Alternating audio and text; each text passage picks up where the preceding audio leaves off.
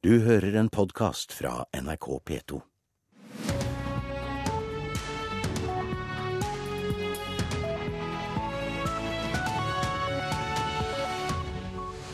Og her er Nyhetsmorgen med Øystein Heggen i studio. Vi fortsetter med disse sakene. Sexkjøpsloven kan bli endret når den skal opp i Stortinget i løpet av høsten. La flyktningene selv velge hvor de skal bo. Slik vil Norsk Folkehjelp løse bosettingsproblemet. Filmdistributørene tar seg for godt betalt og har skylda for ulovlig nedlastning, mener filmskaper. Sexkjøpeloven kan bli endret når den skal opp i Stortinget i løpet av høsten. Høyre, Frp og Venstre ville fjerne loven, men nå vurderer Høyre bare å endre den. KrF håper likevel at de greier å overtale Høyre til å beholde loven som den er. På samme måte som med søndagsåpent, så tror vi dette er en sak som vi kan vinne på, på kunnskap.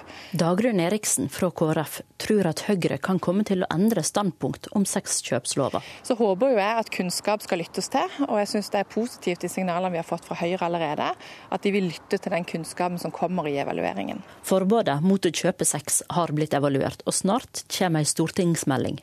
Heidi Nordby Lunde fra Høyre mener at utfallet av den debatten vil få mye å si for de partiene som i utgangspunktet ville fjerne lova.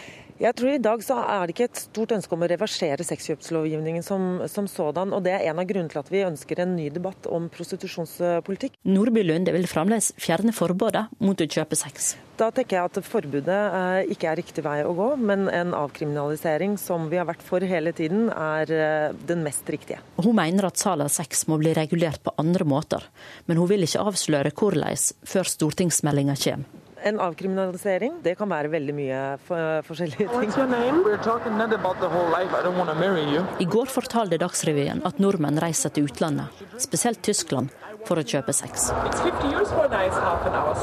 Nordby Lunde mener at dette må få konsekvenser for debatten. Det at sexkjøpslovgivningen ikke har ført til en faktisk nedgang i eh, sexkjøp, men bare eksporterer et eh, problem, er helt åpenbart en problemstilling vi ikke har tatt tak i, og som har hittil vært ukjent for oss, og som må eh, komme inn i den norske politiske debatten også.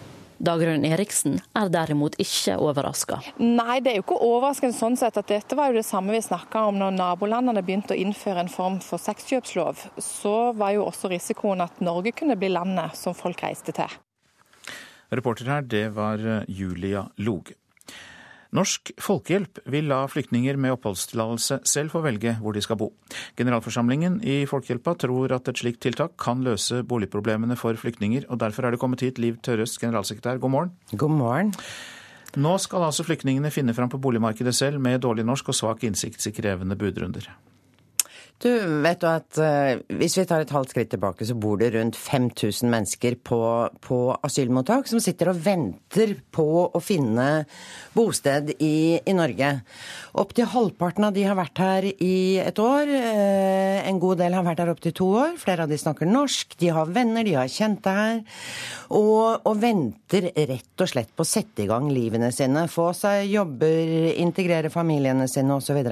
Men det er dette med at de kanskje trenger hjelp til å få det til? Jo, men mange av de har venner og kjente her også. Så, og mange ønsker jo å komme i gang. Mange er klare. Vi sier ikke at alle disse 5000 nødvendigvis kommer til å ta det tilbudet og flytte ut med en gang. Noen trenger hjelp, definitivt. Men mange er klare til å sette i gang livene sine. Og det er helt hårreisende å la de da sitte og vente og vente og vente måned etter måned. Eh, I tillegg så er det jo også sånn at når mange nå refererer til at eh, eh, vi har problemer med å ta imot flere kvoteflyktninger osv. til Norge fordi at det sitter 5000 på mottak, så vil dette også løse den kortsiktige utfordringen vi har med en propp i mottaks- og boligsystemet, rett og slett. Men eh, noe av grunnen til at man har bosetting, det fins vel, vel, også andre, men det er jo for å unngå at det blir gettoer, at eh, innvandrere samler seg, samler seg, på bestemte steder, som kan være ulempe både for dem og for resten av samfunnet. Ja, men vi tror at det er mulig å styre relativt enkelt hvis det er politisk vilje. Man kan si f.eks. at eh, dette integreringstilskuddet som skal følge de en, en periode, at det kun blir utbetalt hvis man, hvis man flytter til spesielle områder, unngår eh, byer og bygder med spesielt spesielle belastninger og boligproblemer. Dette er mulig å løse. En oversikt fra FNs høykommissær for flyktninger viser at Norge er blant de mest flyktningvennlige i Europa. og det å hjelpe dem med bosetting kan jo være en av grunnene til at Norge er det. Bør vi ikke da holde på det?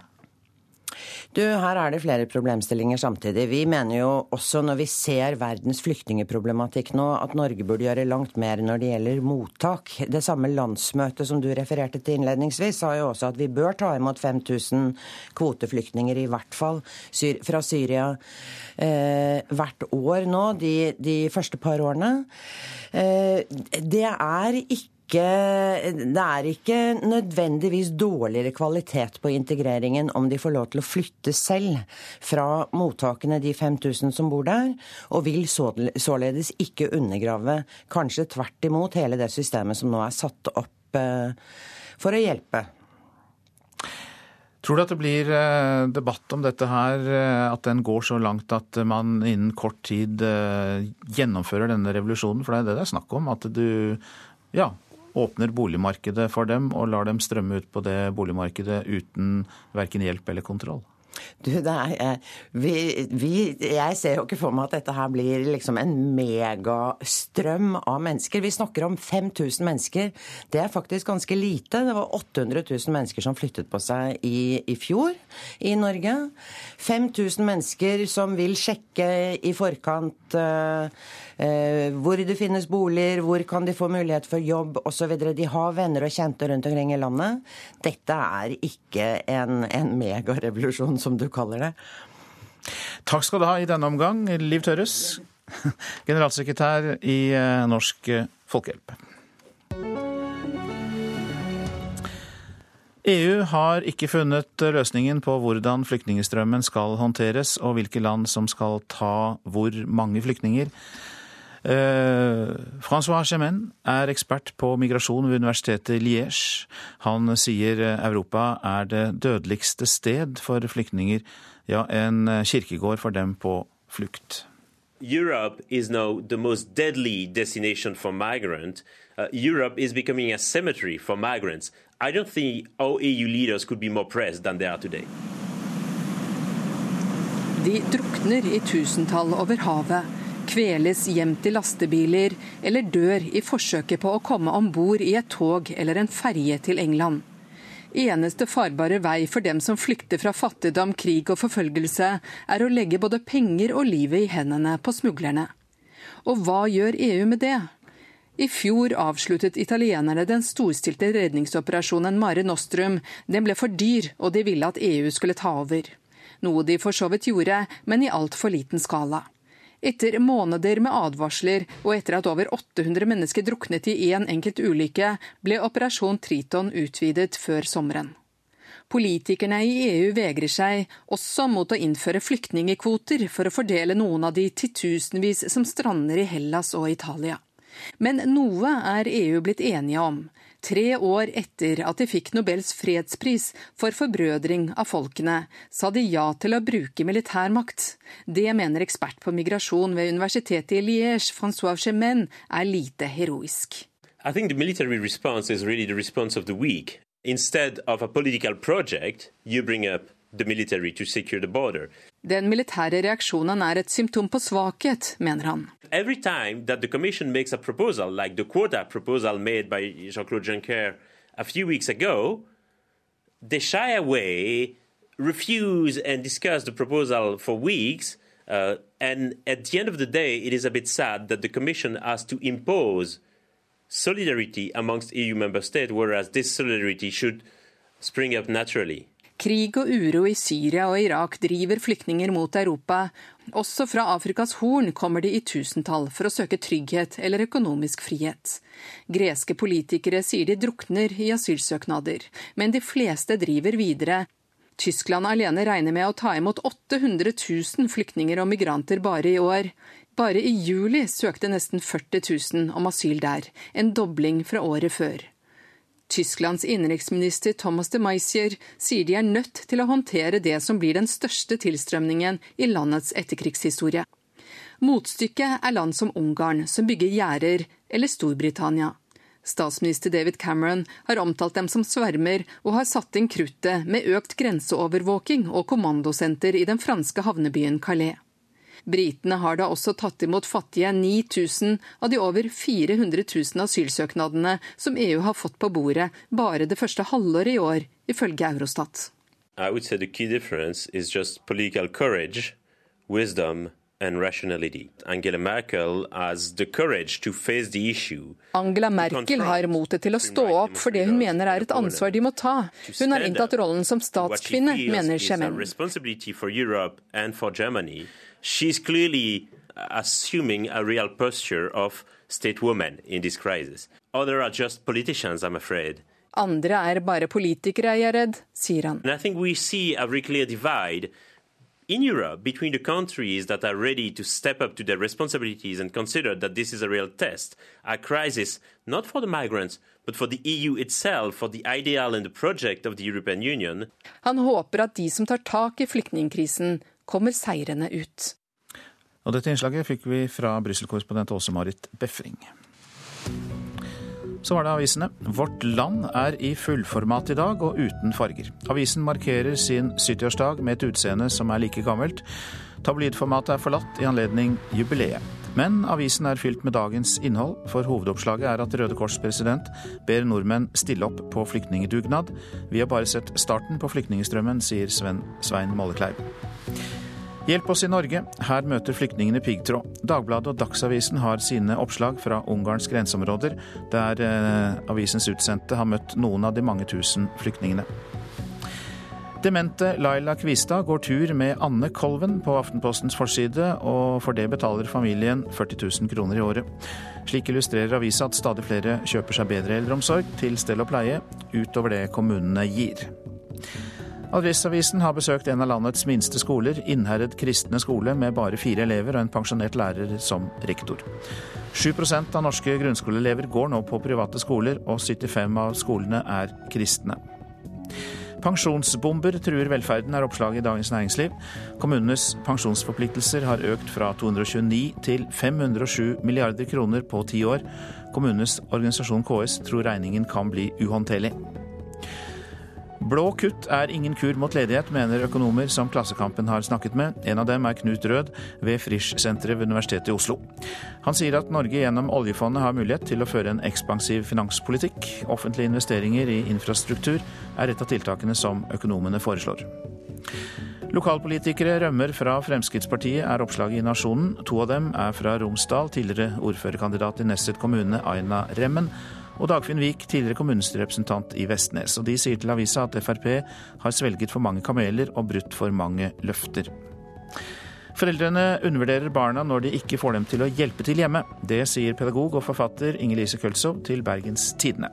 Det er fort gjort å glemme at barna har veldig godt av å trenges hjemme. Hekkeløper Isabel Pedersen er på sponsorjakt. 23-åringen var bare én plass unna å kvalifisere seg til finalen i friidretts-VM, og ble dermed det store lyspunktet sett med norske øyne. Nå øh, håper Pedersen å unngå å måtte jobbe ved siden av idretten når hun satser mot OL i Rio neste år må jobbe, så må jobbe. Og det er altså realiteten i forhold til hvordan vi i Norge satser på idrett i dag. Hekkeløperen Isabel Pedersen satte personlig rekord i Beijing. Kan bli nummer fire her. Isabel Pedersen. Så kommer Ofili voldsomt på slutt, men blir fire. Nå etterlyser hun en slags kopi av kunstnerlønn for utøvere i Norge. I Belgia så blir man statlig betalt en viss pengesum som gjør at de kan få lov å trene og slippe å ha disse små bekymringene i forhold til helt vanligdagse ting. Vi i Norge skal være en idrettsnasjon, og vi har utrolig mye potensial i Norge.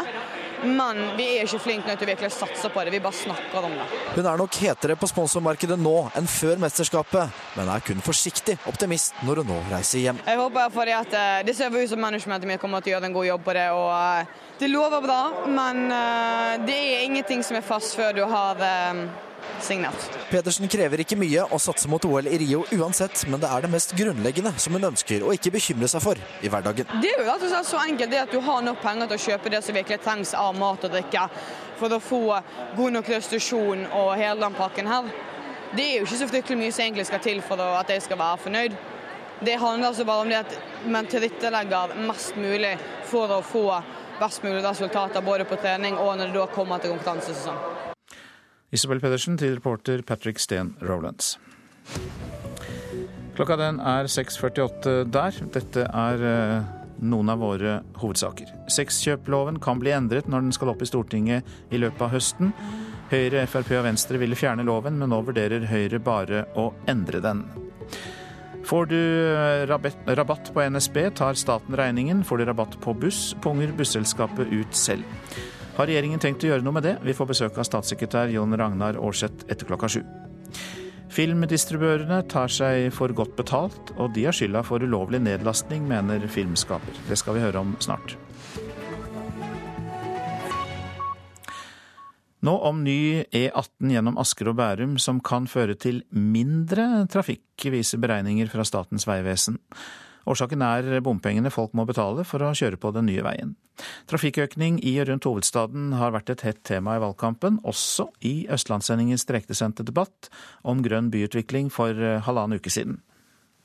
Den vil føre til opptil 50 økning. og nå ristes Det på, på, på her. Det jeg syns er utrolig interessant med påstanden om 50% trafikkvekst, er hvordan er det mulig når det ikke er flere bilfelt som skal treffe Oslos grense enn i dag? Unnskyld, jeg må bare si. Eh, jeg sitter som leder av samferdsels- og miljøkomiteen.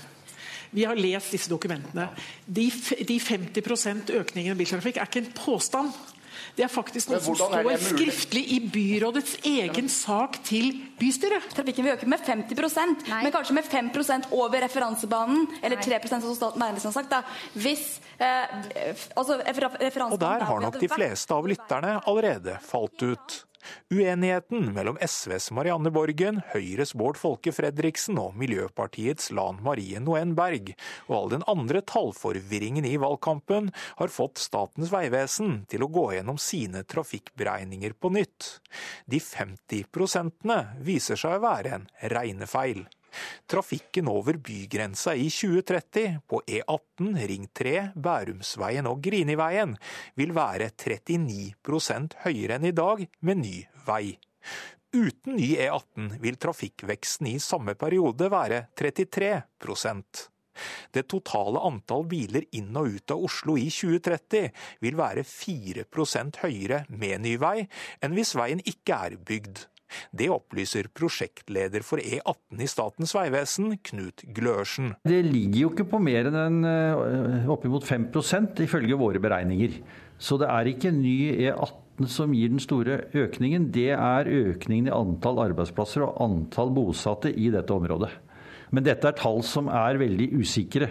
Denne type modellberegninger har, har, en stor usikkerhet. Det disse beregningene ikke tar hensyn til, er at det på den nye veien vil komme en rekke nye bommer. Et moderat anslag er at det vil koste 118 kroner å kjøre tur-retur Oslo-Asker. Ifølge Knut Glørsen vil det skremme så mange bilister at 4% flere biler med ny vei enn uten i realiteten vil bli langt færre biler med ny vei enn uten. Det er jo ikke noen tvil om at eh, bomsatser på det nivået vi snakker om her, vil virke trafikkavvisende. Eh, vi har gjort noen beregninger på det i forbindelse med at vi laget en utredning for et prinsippvedtak om bompenger som ble lagt fram i 2014. Eh, og der ser vi at eh, trafikken inn mot Oslo da vil være omtrent på dagens nivå. Ja, så dette betyr at du vil kunne få mindre trafikk med ny E18 og de nye bommene enn hvis man ikke bygger ned E18? Ja, det tyder våre beregninger på. Der er det jo ganske stor forskjell. Ja, Hvor stor forskjell er det? Ja, nei, der, Vi er jo nesten omtrent på dagens trafikknivå, så da er vi jo nede i over 30% forskjell. Det sa prosjektleder for ny E18 i Statens vegvesen, Knut Glørsen. Reporter Olav Juven. Mer om eh, vei nå på Vestlandet. Samarbeidet mellom Vegdirektoratet og forskningsmiljøene om en ferjefri E39 er svært spennende. Det mener prosjektleder Kjersti Kvalheim Dønheim i Vegdirektoratet. Og i alt 40 doktorgradsarbeider er knyttet til denne gigantsatsingen, som inkluderer ekstreme fjordkrysninger. Mange av doktorgradene er helt eller delvis finansiert av Vegdirektoratet. 40 er masse, og det er kjempespennende. Og jeg tenker jo at vi får jo et helt eget fagmiljø der oppe på NTNU bl.a., og på Chalmers og på Universitetet i Stavanger, hvor vi har egne grupper som jobber for oss, og hvor de da også vil få et miljø. Og det er jo også en styrke for doktorandene for å få gjennomført oppgavene sine. Betyr det da at dette har en stor gevinst også for universitetsmiljøene? Ja, det mener jeg. Det mener jeg absolutt. Både er det en styrke at doktorandene faktisk gjør noe veldig nyttig, altså noe samfunnsnyttig, fordi at vi har bestilt disse oppgavene. Vi ser at det er dette vi trenger for å få gjort en ferjefri E39. Samtidig så er det jo utrolig spennende oppgaver som de kan utnytte i undervisningssammenheng. Vi ser også at alle doktorantene, bl.a. på NTNU, de får jo da grupper rundt seg hvor de har mastergrader og hvor de har ja, altså hele områder som, som bygges opp av kompetanse på NTNU på dette. Kjersti Kvalheim Dønheim i Vegdirektoratet i samtale med reporter Trond Vestre. Film nå, for distributørene av film er et fordyrende mellomledd og må ta ansvaret for at folk bruker ulovlige tjenester som Popcorn Time for å se film. Ja, det sier filmskaper Ulrik Imtias Rolfsen, og han får støtte av kollega Erik Poppe. Hver uke ser flere hundre tusen nordmenn film uten å betale, særlig de unge, da, som har kastet seg over denne trenden. Har dere lyst til å være med å redde fremtiden til norsk filmbransje ved å svare på noen enkle spørsmål? Ja, ja. Helt klart.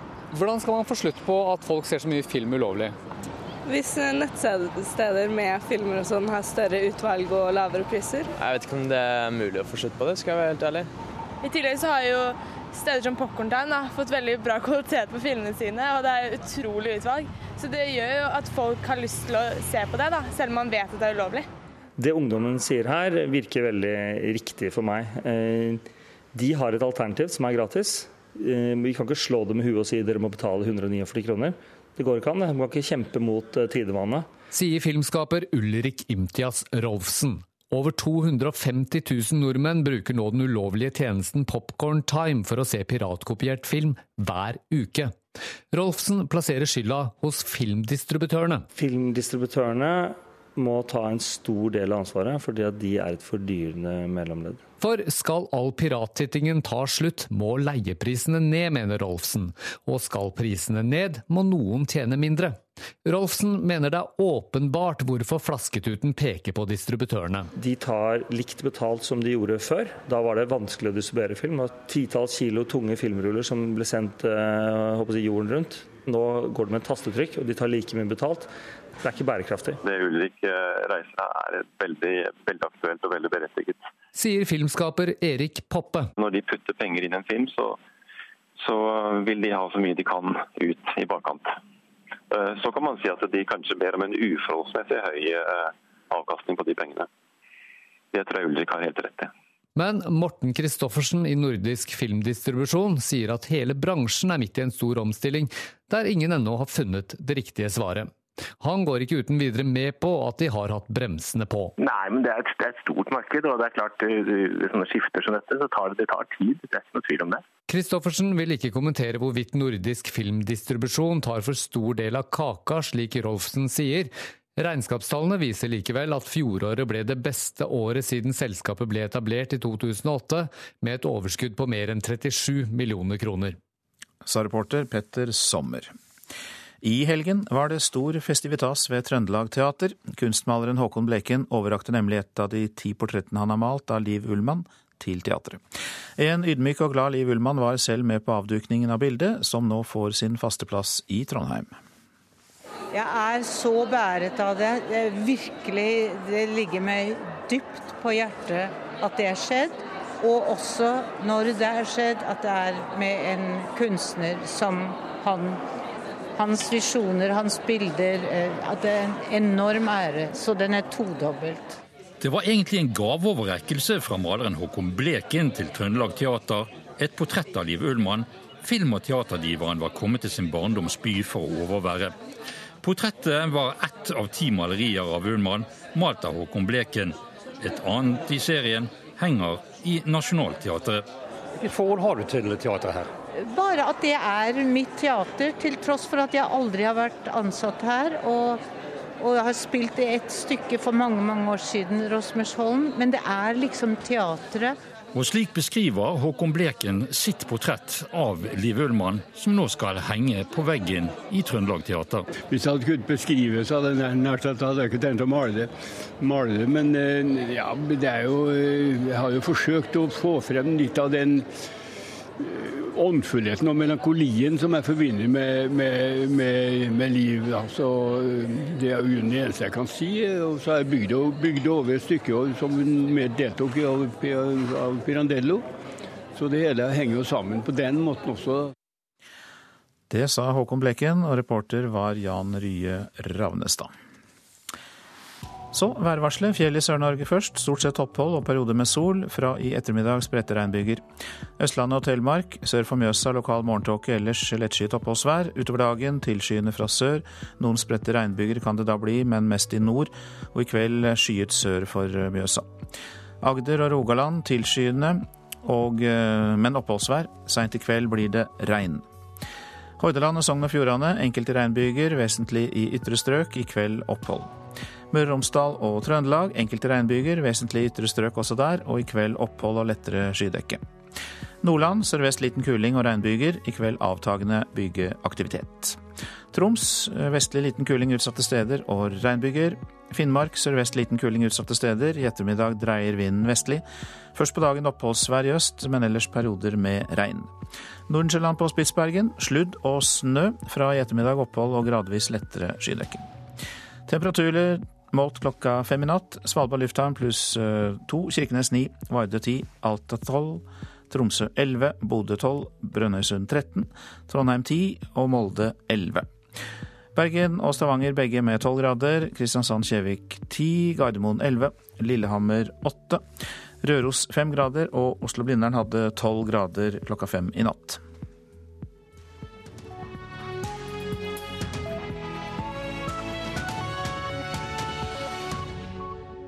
Du hører en podkast fra NRK P2. Nyhetsmorgen fortsetter med disse sakene. Får du rabatt på NSB, tar staten regningen. Får du rabatt på buss, punger busselskapet ut selv. Har regjeringen tenkt å gjøre noe med det? Vi får besøk av statssekretær Jon Ragnar Aarseth. Og her får du vite mer om striden rundt markagrensene og nærnaturen i byene våre. Det er nytt håp om en mer varig våpenhvile øst i Ukraina. Og eksperter advarer mot overdreven bruk av nettbrett, men i disse dager så får hundrevis av seksåringer utlevert nettbrett på skolen som en forsøksordning. Ja, det er et lite flertall for å bevare markagrensene her i landet slik de ligger i dag. Det viser en meningsmåling Norstat har gjort for NRK. De regulerte friområdene i storbyene er under kraftig press, som vi hørte i Dagsnytt, for å bygge flere boliger. Oslo blir mer og mer ødelagt. Byen. Høyhus, mindre grøntområder.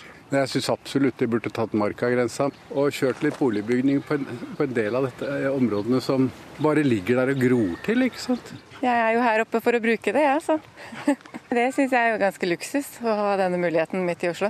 Så den bør beholdes som han er nå, i hvert fall ikke bli mindre. Selv mosjonistene NRK treffer ved idylliske Sognsvann i Oslo, er splittet om hvor fredet friområdene skal være.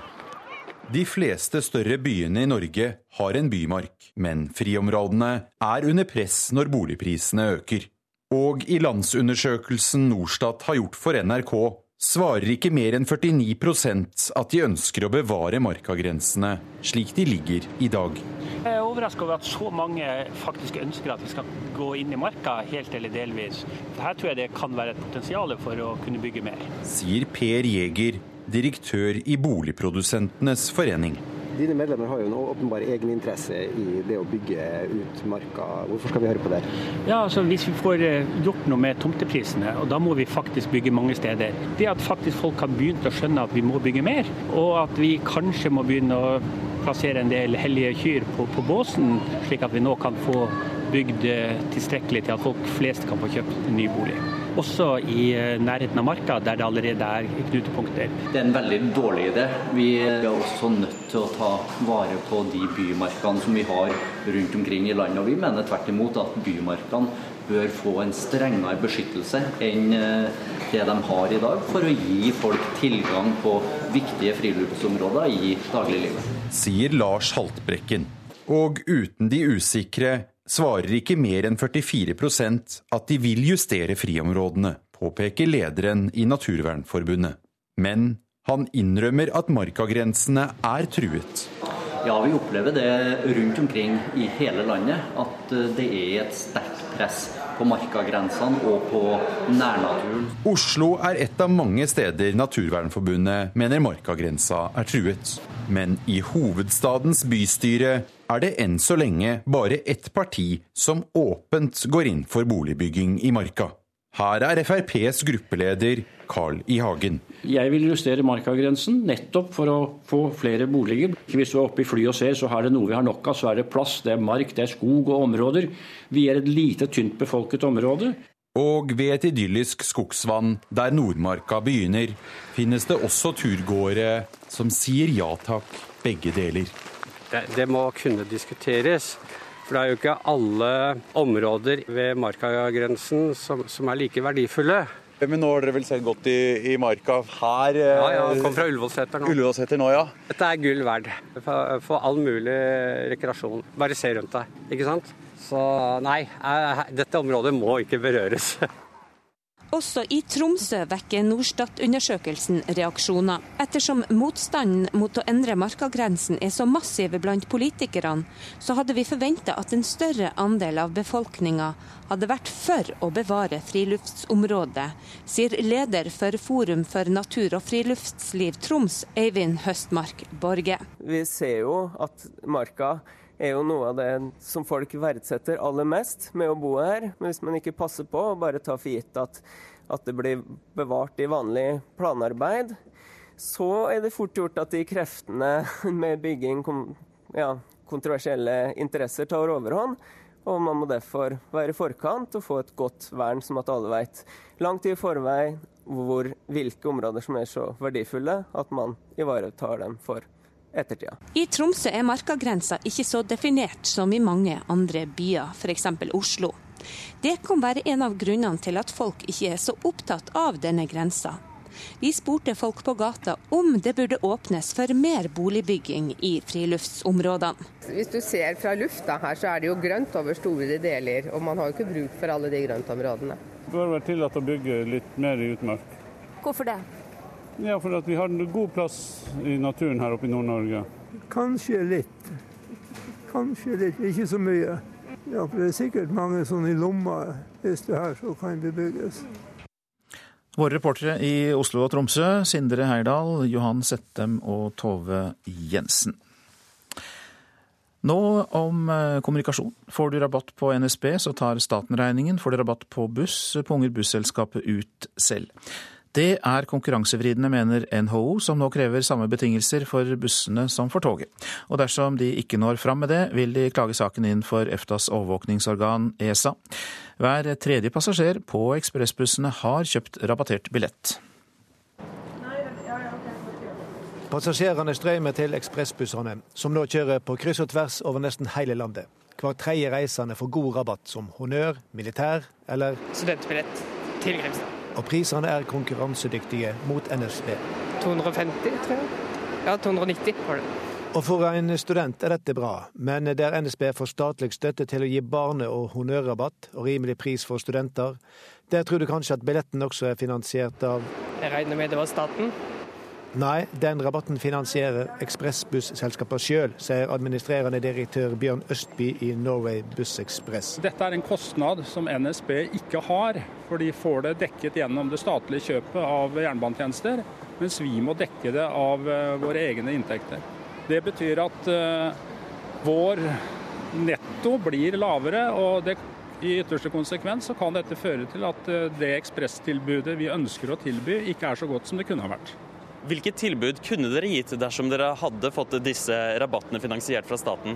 Det kunne nok ha ført til eh, eksempelvis at vi kunne hatt flere avganger. Vi kunne kanskje opprettet flere ruter, eh, og kanskje særlig da i distriktene hvor det er eh, et dårlig eller ikke-eksisterende togtilbud. Og nå er det ikke slik at vi ønsker på noe som helst måte at rabatten skal fjernes fra NSB, på absolutt ingen måte, men vi ønsker likebehandling. Nå har han fått NHO Transport med på laget, og slår sammen med administrerende direktør Jon Stordrange EU-regelverket i bordet. Ja, Vi har tatt det opp stadig vekk, men nå har vi fått god dokumentasjon på at dagens regelverk ikke er i tråd med kollektivtransportforordningen som, som EU har kommet med. Og Da mener det er god grunn til å ta det opp med departementet og eventuelt kjøre saken overfor ESA hvis ikke departementet er lydhør. Denne reportasjen var laget av reportere Martin Holvik og Bjørn Atle Gillestad. John Ragnar Aarseth, velkommen. Takk for det. Du er statssekretær i Samferdselsdepartementet fra Høyre. Ja, Er dette en forskjellsbehandling dere ennå ikke har rukket å gjøre noe med? For å si det sånn, dette er en bit av et eh, komplekst system som heter takst- og rabattsystem i kollektivtrafikken, som, eh, som ingen politikere før oss har å si, turt å gå ordentlig inn i. Og det, det, kan vi til en viss grad skjønne, for det er veldig komplekst. Og jeg, jeg skjønner veldig godt busselskapene, som gjerne vil ha statsfinansierte rabattordninger. Jeg kan ikke love det her og nå, men jeg tror vi skal sette oss ned sammen med bussnæringa for, for, å drøfte eh, disse problemstillingene. Ja, vi som, vi som sitter utenfor, syns ikke det ser komplekst ut i det hele tatt. Altså, no, noen mm. får Staten betaler for noen rabatter, andre får det ikke. Ja, eh, Staten kjøper nesten hele togtilbudet som NSB tilbyr. Busselskapene som vi hørte om her, de er helkommersielle og driver i et relativt uregulert marked helt på utsida. Så ber, ber en om statlige subsidier, og det er et ganske viktig prinsipp hvorvidt, ja, hvorvidt en skal gå inn på den type ordninger eller ikke. Eh, og Det vi har sagt eh, og vært veldig tydelige på, er at vi må ha en helhetlig gjennomgang av hele takst- og rabattsystemet i kollektivtrafikken. For det er andre ting som er mye mer komplisert enn dette. Eh, blant annet så har du jo helt ulike rabattordninger. altså Definisjonen av en ungdom f.eks. den er ulik i ulike deler av landet. Og rabatt for om du har, har med ski eller sykkel eller ja, den slags ting. Det har òg helt ulike definisjoner rundt i landet. Og dette er ting vi må rydde opp i, og den problemstillinga bussnæringa tok opp her, er en del av bildet. Så du kan altså ikke love at eh, staten vil betale for eh, rabattene på bussene. Men her eh, vifter jo NHO med ESA-kortet og sier at de skal ta dette inn for å få en vurdering av EUs regelverk. At det er i strid med det? Ja, jeg skjønner at, eh, at en vil eh, true med det kortet. Eh, først så håper jeg at vi kan ha, ha hyggelige og ordentlige drøftinger sammen før en eventuelt går til det skrittet. Men det er heller ikke mitt lodd her i livet å love millionsubsidier til bussnæringa en mandagsmorgen, men å, å, gå inn i problemstillinga, det kan jeg love. Men kan de forsvinne fra NSB, da, sånn at de blir behandlet likt og bare tenker motsatt? Det kan vi nok garantere at ikke, eh, altså, at det ikke skjer, i den forstand at rabattordninga skal vi ha. Eh, noen har jo stilt det spørsmålet om ja, kan, kan resultatet bli at en tar bort eh, såkalte sosiale rabatter, altså for ungdom, studenter, honnørrabatt osv. Eh, det blir det i hvert fall ikke tilfellet. Det var et klart svar. Takk skal du ha, John Ragnar Aarseth, som er statssekretær i Samferdselsdepartementet fra Høyre. Dette er Nyhetsmorgen. Klokka den nærmer seg kvart over sju. Dette er hovedsaker. Sexkjøploven kan bli endret når den skal opp i Stortinget i løpet av høsten. Høyre, Frp og Venstre vil fjerne loven, men eh, nå vurderer Høyre bare å endre den. Får du rabatt på NSB, så tar staten regningen. Får du rabatt på buss, punger busselskapet ut selv. Og statssekretær Jon Ragnar Aarseth, som nettopp gikk ut av døra, sa at det er et komplisert system, kan ikke love at det blir en endring på dette. Ny E18 gjennom Asker og Bærum kan føre til mindre trafikk, viser beregninger fra Statens vegvesen. Årsaken til det er bompengene folk må betale for å kjøre på den nye veien. Nå til eh, Wien. Det skal i kveld holdes en minnegudstjeneste i den østerrikske hovedstaden over de 71 flyktningene som ble funnet døde i en lastebil ved grensen til Ungarn i forrige uke. Det er også ventet at det blir arrangert en demonstrasjon. Korrespondent Guri Nordstrøm, du er i Wien. Og først til demonstrasjonen. Hva skal det demonstreres mot? Det er en rekke frivillige organisasjoner her i Østerrike som har gått sammen om denne, demonstrasjonen under parolen 'Vær medmenneske i Østerrike'. Og Det de krever, er en ny flyktningepolitikk både i EU og i Østerrike. Enkelte av organisasjonene mener at innenriksministeren Johanna Mikkel Leitner må gå. Hun har etter hendelsen på torsdag snakket varmt om at man må få lovlige veier inn til EU, slik at migrantene kan søke asyl her, og slik at menneskesmuglerne ikke lenger har noe å tjene penger på. De frivillige organisasjonene er for så vidt enig i det, men de mener at dette ble det snakket om i fjor også, uten at noe har skjedd. Og nå må noe skje veldig raskt. Dette er altså krav som blir eh, tydeliggjort gjennom demonstrasjonene i dag. Eh, men hva gjør østerrikske myndigheter etter eh, det grusomme som skjedde i forrige uke? I går kveld så startet de kontroll av alle større biler som nå kommer over grensen. Politiet i Burgenland, altså på grensen her, har fått forsterkninger av politiet i Wien. De forteller at de mener at så mange som 7000 migranter nå er på vei i lastebiler inn i Østerrike i disse dager. Og denne økte kontrollen den skjer også i samarbeid med politiet i Ungarn, Slovakia og Tyskland. Ja, flyktningene strømmer til EUs sørøstlige område. Hvordan er asylsituasjonen for dem når de kommer til Østerrike? Østerrike er det landet som har høyest antall asylsøkere per innbygger i Europa. I år er det ventet 80 000 asylsøkere. Første halvår i år hadde de en økning på 180% i forhold til første halvår i år. Og Det har jo ført til at også her så, så er asylmottakene helt fulle. Nå blir en rekke hoteller og pensjonater gjort om til asylmottak. Jeg snakket med noen syriske flyktninger som kom hit for en måned siden. og De fortalte at de første nettene måtte de sove under åpen himmel, før de etter hvert ble innkvartert i telt. og Nå bor de altså på et eh, pensjonat som da tidligere var for eh, turister.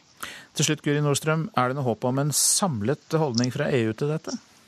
I går kveld ble det kjent at innenriksministrene og justisministrene i EU skal ha et møte om situasjonen nå 14.9. for å få en oversikt over hva som skjer på bakken, hva som er gjort og hva som bør bli neste steg. Men EU har jo vært splittet i dette spørsmålet. På den ene siden så har du Tyskland som tar på seg ekstraoppgaver bl.a. ved å behandle mer asylsøknader enn det de er pålagt. På den andre siden har du Ungarn som bygger gjerde for å stanse migrantene.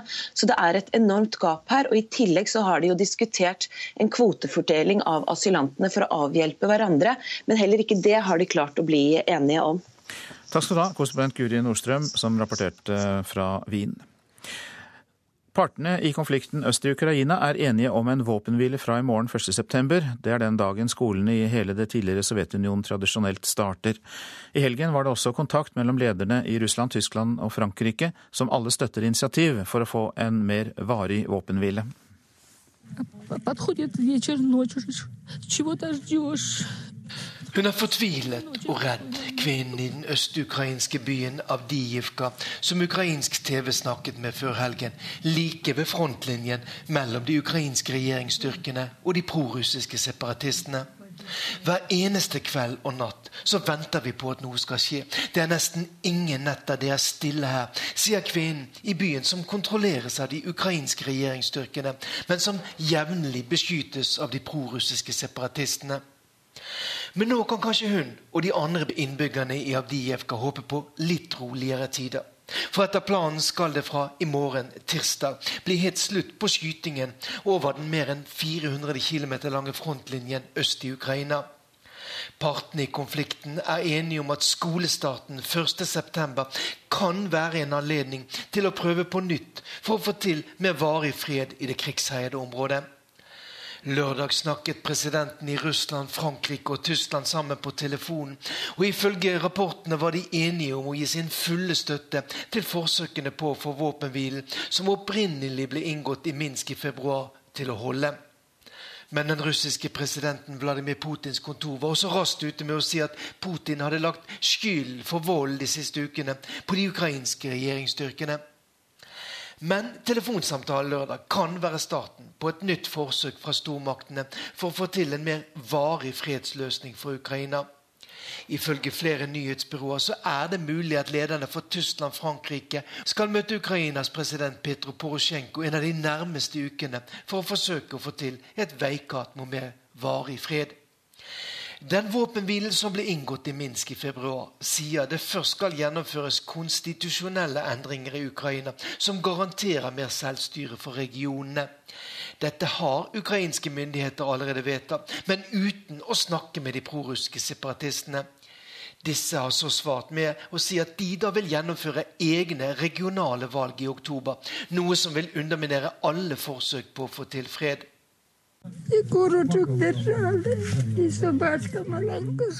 Likevel er det altså et lite håp om at Anna Blasjejevska og de andre fortvilede innbyggerne i Avdijevka kan unngå at nye granater faller ned i hodet på dem.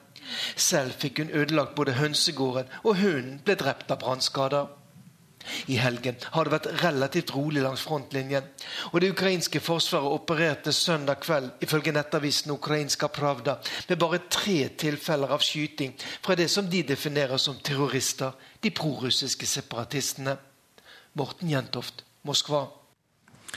Den amerikanske filmskaperen Wes Craven er død, 76 år gammel. Craven sto bak den klassiske skrekkfilmen 'Nightmare on Elm Street' fra 1984, samt Scream-filmene fra 1990-tallet.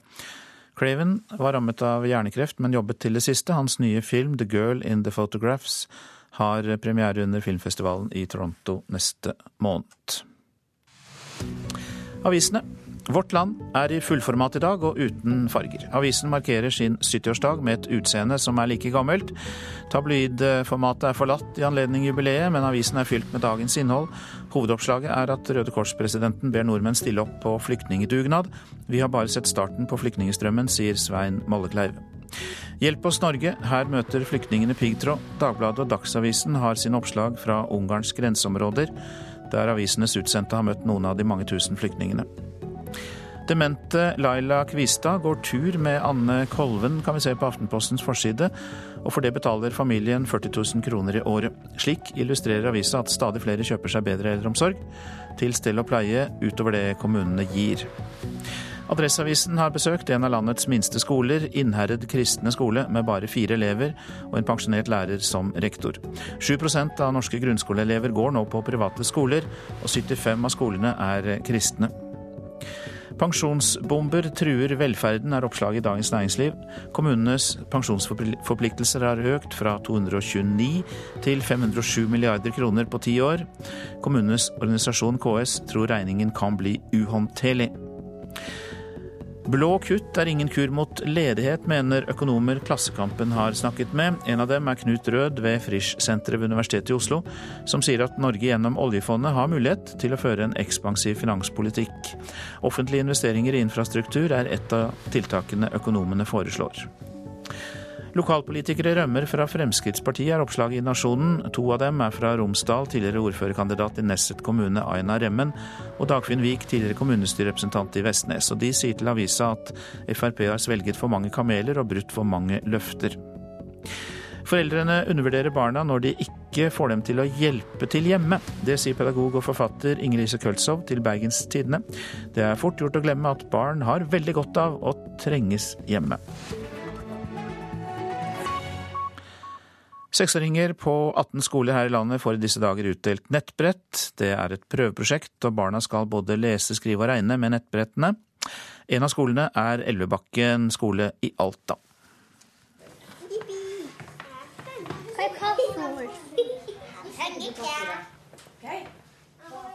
En rød og blå blyant, en helt blank kladdebok og en litt tjukk grå blyant. Det har vært standardutstyret første skoledag siden besteforeldrene gikk på skolen. Nå er det iPad som blir utdelt. I hvert fall som et prøveprosjekt. 18 skoler rundt om i landet deltar, og rektor Rune Glad ved Elvebakken skole i Alta tror elevene vil lære mer. Vi har et håp og et tro på at, skal, at elevene skal kunne bli bedre lesere og skrivere. Vi har tro på det at elevene skal få til større deltakelse i egen læring. Og ungene er kjempeglade. Vebjørn André er strålende fornøyd med første skoledag og en iPad i sekken. Jeg veldig bra. Har du brukt iPad før? Ja. Men mest å ta bilder og se på film og kjøpe nye spill.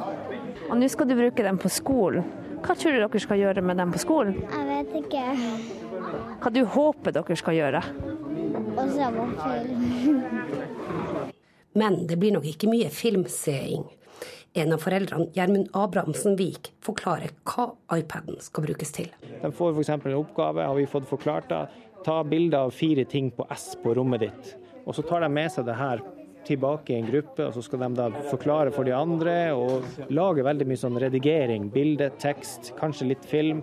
Så det blir veldig mye mer enn hvert fall det jeg opplevde når jeg gikk på skolen. Tester gjort på andre skoler viser at elevene hurtigere knekker lesekoden når de bruker iPad, faktisk i rekordfart. På to måneder hadde åtte av ti elever løst koden, noe som vanligvis tar hele skoleåret frem til påske med vanlig undervisning. Men ikke alle liker utviklinga. En av dem er professor i sosialpsykologi, Arnulf Kolstad. Dette er noe vi bør være litt forsiktige med, av, litt, av forskjellige grunner. Og, og det å være menneske, det betyr jo kanskje først og fremst å forholde seg til andre, og ikke minst som barn å lære av andre. Og hvis man skal sitte og stirre ned, og ikke bare på sin egen iPod, men sin egen navle, så går man glipp av dette som er veldig viktig. Professoren frykter at overdreven bruk i ung alder kan gi problemer. Det kan føre til at det blir en ensidig utvikling av hjernen. Og de forbindelsene som knyttes, de vil hjernen bli, de vil hjernen gjerne gjenta. Sånn at hjernen er på en måte litt konservativ. Og da kan det føre til at eh, vi blir altfor opptatt av det, og noen så opptatt at de blir hekta på det, at de ikke klarer å komme unna det når de blir eldre, og blir altså sittende foran skjermene. Og dermed blir overvektige, blir blir fysisk dårlig form, får dårlige matvaner til og med. Det viser seg at det er en viss sammenheng her. Så dette kan få store konsekvenser hvis man blir hekta på det i tidlig alder. Og sjansen for at man blir hekta på det er større jo tidligere man begynner. Også foreldrene til førsteklassingene skjønner at iPaden må begrenses, og var litt skeptisk da de først hørte at den håpefulle skulle få nettbrett og ikke kladdebok. Jeg ble litt skeptisk. Tenkte at det kan jo bli en utfordring. å holde det til kun skole. Så eh, det er jo mye, mye som kan lokke på den for at, av spill og andre, andre apper. Jeg tror at det blir for mye data fremover, så um, ungene lærer seg ikke å skrive ordentlig. Jeg tenker at Man må jo selvfølgelig følge med på bruken av det. og Det er jo derfor man også oppretter et lite utvalg ved skolen som skal følge med. Der det både sitter foreldre og lærere og Eh, andre fagfolk. Så jeg tenker at man følger jo med på det hele tida. Men rektor Rune Glad er ikke bekymra. Man ser andre plasser at dette har effekt på elevenes læring. Og da kan vi ikke la være å prøve. Når skal ungene begynne å skrive med blyant på skolen, da? Det skal de gjøre når de er klar for det og har lyst til det. Reportere her, det var Silja Arvola og Sara Beate Eira. Tåke på Gardermoen fører til forsinkelser ved Oslo lufthavn. De fleste forsinkelsene blir trolig under 30 minutter, men enkelte fly kan bli inntil 45-50 minutter forsinket. Passasjerene må møte som normalt, opplyser både SAS og Norwegian. Du lytter til Nyhetsmorgen. Produsent i dag Vidar Eidhammer. Her i studio Øystein Heggen. I eh, Politisk valgkvarter klokka 7.40 er skole og eldreomsorg i Oslo temaene for debatten mellom byrådskandidatene Stian Berger Østland fra Høyre og Raymond Johansen fra Arbeiderpartiet.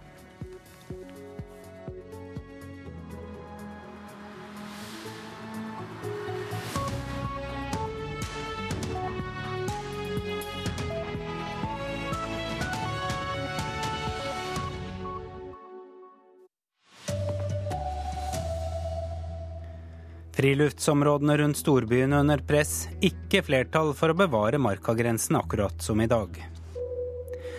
Busselskapene vil at staten skal betale for rabatt til barn og eldre, og truer med rettssak om de ikke får det som de vil. I Østerrike arrangeres det minnegudstjeneste for de 71 som døde innesperret i en lastebil før helga. Her er NRK Dagsnytt klokka 7.30. Markagrensene rundt de store byene er under press. Nesten halve folket sier at de synes det er greit å flytte på markagrensene. Bare litt flere vil beholde byskogen akkurat som i dag. Det viser en meningsmåling Norstat har gjort for NRK. Presset er stort for å få bygget flere boliger på friområdene. Hvis du ser fra lufta her, så er det jo grønt over store deler. Og man har jo ikke bruk for alle de grøntområdene. Det bør være tillatt å bygge litt mer i utmark. Sier folk på gata i Tromsø. De fleste byene i Norge har en bymark, men friområdene er under press når boligprisene øker. Og i landsundersøkelsen Norstat har gjort for NRK, svarer ikke mer enn 49% at de ønsker å bevare markagrensene slik de ligger i dag. Jeg er overraska over at så mange faktisk ønsker at vi skal gå inn i marka helt eller delvis. Her tror jeg det kan være et potensial for å kunne bygge mer. Sier Per Jæger, direktør i Boligprodusentenes forening. Vi kanskje må begynne å plassere en del hellige kyr på, på, båsen. Det er en veldig dårlig idé. Og vi mener tvert imot at bymarkene bør få en strengere beskyttelse enn eh, det de har i dag, for å gi folk tilgang på viktige friluftsområder i dagliglivet. Sier Lars Haltbrekken, lederen i Naturvernforbundet. Men han innrømmer at markagrensene er truet. Ja, vi opplever det rundt omkring i hele landet. Det er et sterkt press på markagrensene. Og selve idylliske Sognsvann nord i Oslo er mosjonistene splittet om hvor markagrensa bør gå. Oslo blir mer og mer ødelagt. Byen. Høyhus, mindre grøntområder. Jeg syns absolutt de burde tatt markagrensa. Jeg er jo her oppe for å bruke det, jeg. Så det syns jeg er jo ganske luksus. Så den bør beholdes som han er nå. I hvert fall ikke bli mindre. Reporter Sindre Heierdal. Dersom du får rabatt På NSB tar staten regninga. Får du rabatt på buss, punger busselskapet ut eh, selv. Det er konkurransevridende, mener NHO, som nå krever samme betingelser for bussene som toget. Dersom de ikke når fram, vil de klage saken innenfor EFTAs overvåkingsorgan ESA. Hver tredje passasjer på ekspressbussene har kjøpt billett med rabatt. Passasjerene strømmer til ekspressbussene, som nå kjører på kryss og tvers over nesten hele landet. Hver tredje reisende får god rabatt, som honnør, militær eller Studentbillett til Grimstad. Og prisene er konkurransedyktige. 250, tror jeg. Ja, 290 var det. Og For en student er dette bra, men der NSB får statlig støtte til å gi barne- og honnørrabatt og rimelig pris for studenter, der tror du kanskje at billetten også er finansiert av Jeg regner med det var staten? Nei, den rabatten finansierer ekspressbusselskapene sjøl, sier administrerende direktør Bjørn Østby i Norway Buss Express. Den kostnaden er det vi som betaler, for den rabatten er jo da differansen mellom det som er den normale fullprisen og det den kunden betaler. Eh, eksempelvis da NSB, så er den rabatten finansiert gjennom det statlige kjøpet som departementet gjør hos NSB. Og nå er det ikke slik at vi ønsker på noe som helst måte at rabatten skal fjernes fra NSB. På absolutt ingen måte, men vi ønsker likebehandling. Nå har han fått NHO Transport med på laget, og slår sammen med administrerende direktør Jon Stordrange EU-regelverket i bordet. Da har vi fått god dokumentasjon på at dagens regelverk ikke er i tråd med kollektivtransportforordningen som, som EU har kommet med. Og Da mener det er god grunn til å ta det opp med departementet og eventuelt kjøre saken overfor ESA hvis ikke departementet er lydhør. Reportere Martin Holvik og Bjørn Atle Gildestad. I Wien skal det i kveld holdes en minnegudstjeneste over de 71 flyktningene som ble funnet døde i en lastebil ved grensa til Ungarn i forrige uke. Det er også venta at det blir arrangert en demonstrasjon, og korrespondent Guri Nordstrøm i Wien, hva skal det demonstreres mot? Det er en rekke frivillige organisasjoner her i Østerrike som har gått sammen om denne demonstrasjonen under parolen hver medmenneske i Østerrike. Og Det de krever, det er en ny flyktningepolitikk både i EU og i Østerrike. Enkelte av organisasjonene mener at innenriksministeren Johanna Mikkel Leitner må gå. Hun har etter hendelsen på torsdag snakket om at man må få lovlige veier inn til EU, slik at migrantene kan søke asyl her uten at menneskesmuglerne har noe å tjene penger på lenger. De frivillige organisasjonene er enige i det, men de mener at dette ble det snakket om i fjor også, uten at noe har skjedd. Og nå må noe skje raskt. Ja, Gjør østerrikske myndigheter noe konkret etter det som skjedde? Ja, I går kveld så startet man kontroll av alle større biler som kommer over grensen. og Politiet på grensa har nå fått forsterkninger av politiet i Wien. De forteller at de mener at så mange som 7000 migranter nå er på vei i lastebiler inn i Østerrike disse dager. Og de samarbeider her også med politiet i Ungarn, Slovakia og eh, Tyskland.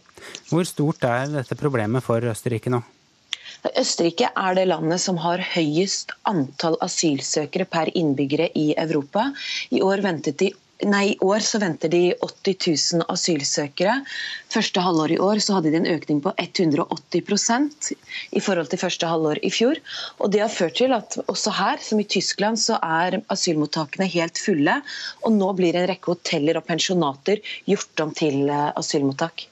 Takk, Guri Nordstrøm fra Wien. Thailandsk politi etterlyser en utenlandsk mann og ei kvinne i forbindelse med bombeangrepet i Bangkok i august. De to blir etterlyst etter at det ble funnet materialer som kan brukes til å lage ei bombe i en leilighet i en forstad til Bangkok i helga. Sexkjøploven kan bli endra når den skal opp i Stortinget i løpet av høsten. Høyre, Frp og Venstre ville fjerne loven, men nå vurderer Høyre å bare endre den. KrF håper likevel at de greier å overtale Høyre til å beholde loven som den er nå. På samme måte som med søndagsåpent, så tror vi dette er en sak som vi kan vinne på, på kunnskap. Dagrun Eriksen fra KrF tror at Høyre kan komme til å endre standpunkt om sexkjøpslova. Så håper jo jeg at kunnskap skal lyttes til, og jeg syns det er positivt de signalene vi har fått fra Høyre allerede, at de vil lytte til den kunnskapen som kommer i evalueringen. Forbudet mot å kjøpe sex har blitt evaluert, og snart kommer ei stortingsmelding. Heidi Nordby Lunde fra Høyre mener at utfallet av den debatten vil få mye å si for de partiene som i utgangspunktet ville fjerne lova. Jeg tror I dag så er det ikke et stort ønske om å reversere sexkjøpslovgivningen som, som, sådan. og Det er en av grunnene til at vi ønsker en ny debatt om prostitusjonspolitikk. Nordby Lunde vil fremdeles fjerne forbudet mot å kjøpe sex. Da tenker jeg at forbudet eh, ikke er riktig vei å gå, men en avkriminalisering som vi har vært for hele tiden, er eh, den mest riktige. I går fortalte Dagsrevyen at nordmenn reiser til utlandet, spesielt Tyskland, for å kjøpe sex. Nordby Lunde mener at dette må få konsekvenser for debatten. Det at sexkjøpslovgivningen ikke har ført til en faktisk nedgang i eh, sexkjøp, men bare eksporterer et problem, er helt åpenbart en problemstilling vi ikke har tatt tak i. og som har hittil vært ukjent for oss. Dagrun Eriksen er derimot ikke overraska. Nei, det er jo ikke overraskende sånn sett at dette var jo det samme vi snakka om når nabolandene begynte å innføre en form for sexkjøpslov. Så var jo også risikoen at Norge kunne bli landet som folk reiste til. Reporter i dette innslaget var Julia Loge. Så om friidretts-VM som slutta i går. Den som kanskje har mest grunn til å være fornøyd etter mesterskapet av de norske, er hekkeløper Isabel Pedersen. Men nå reiser hun hjem til Norge på sponsorjakt, og håper å unngå at hun må skaffe seg en jobb ved siden av idretten når hun satser mot OL i Rio neste år må jobbe, så må jobbe. Og det er altså realiteten i forhold til hvordan vi i Norge satser på idrett i dag. Hekkeløperen Isabel Pedersen satte personlig rekord i Beijing. Kan bli nummer fire her. Isabel Pedersen, så kommer Ofili voldsomt på slutt, men blir fire. Nå etterlyser hun en slags kopi av kunstnerlønn for utøvere i Norge. I Belgia så blir man statlig betalt en viss pengesum som gjør at de kan få lov å trene og slippe å ha disse små bekymringene i forhold til helt vanligdagse ting. Vi i Norge skal være en idrettsnasjon, og vi har utrolig mye potensial i Norge. Men vi er ikke flinke nok til å virkelig satse på det, vi bare snakker om det. Hun er nok hetere på sponsormarkedet nå enn før mesterskapet, men er kun forsiktig optimist når hun nå reiser hjem. Jeg håper fordi at eh, Det ser ut som managementet mitt kommer til å gjøre en god jobb på det. og eh, Det lover bra, men eh, det er ingenting som er fast før du har signert sa hekkeløper Isabel Pedersen, som nesten kom til VM-finalen, reporter Patrick Steen Rovlands. Ansvarlig for Dagsnytt i dag, Erlend Rønberg. Teknisk ansvarlig Beate Haugtrø. Her i studio, Arild Svalbjørg. Du har hørt en podkast fra NRK P2.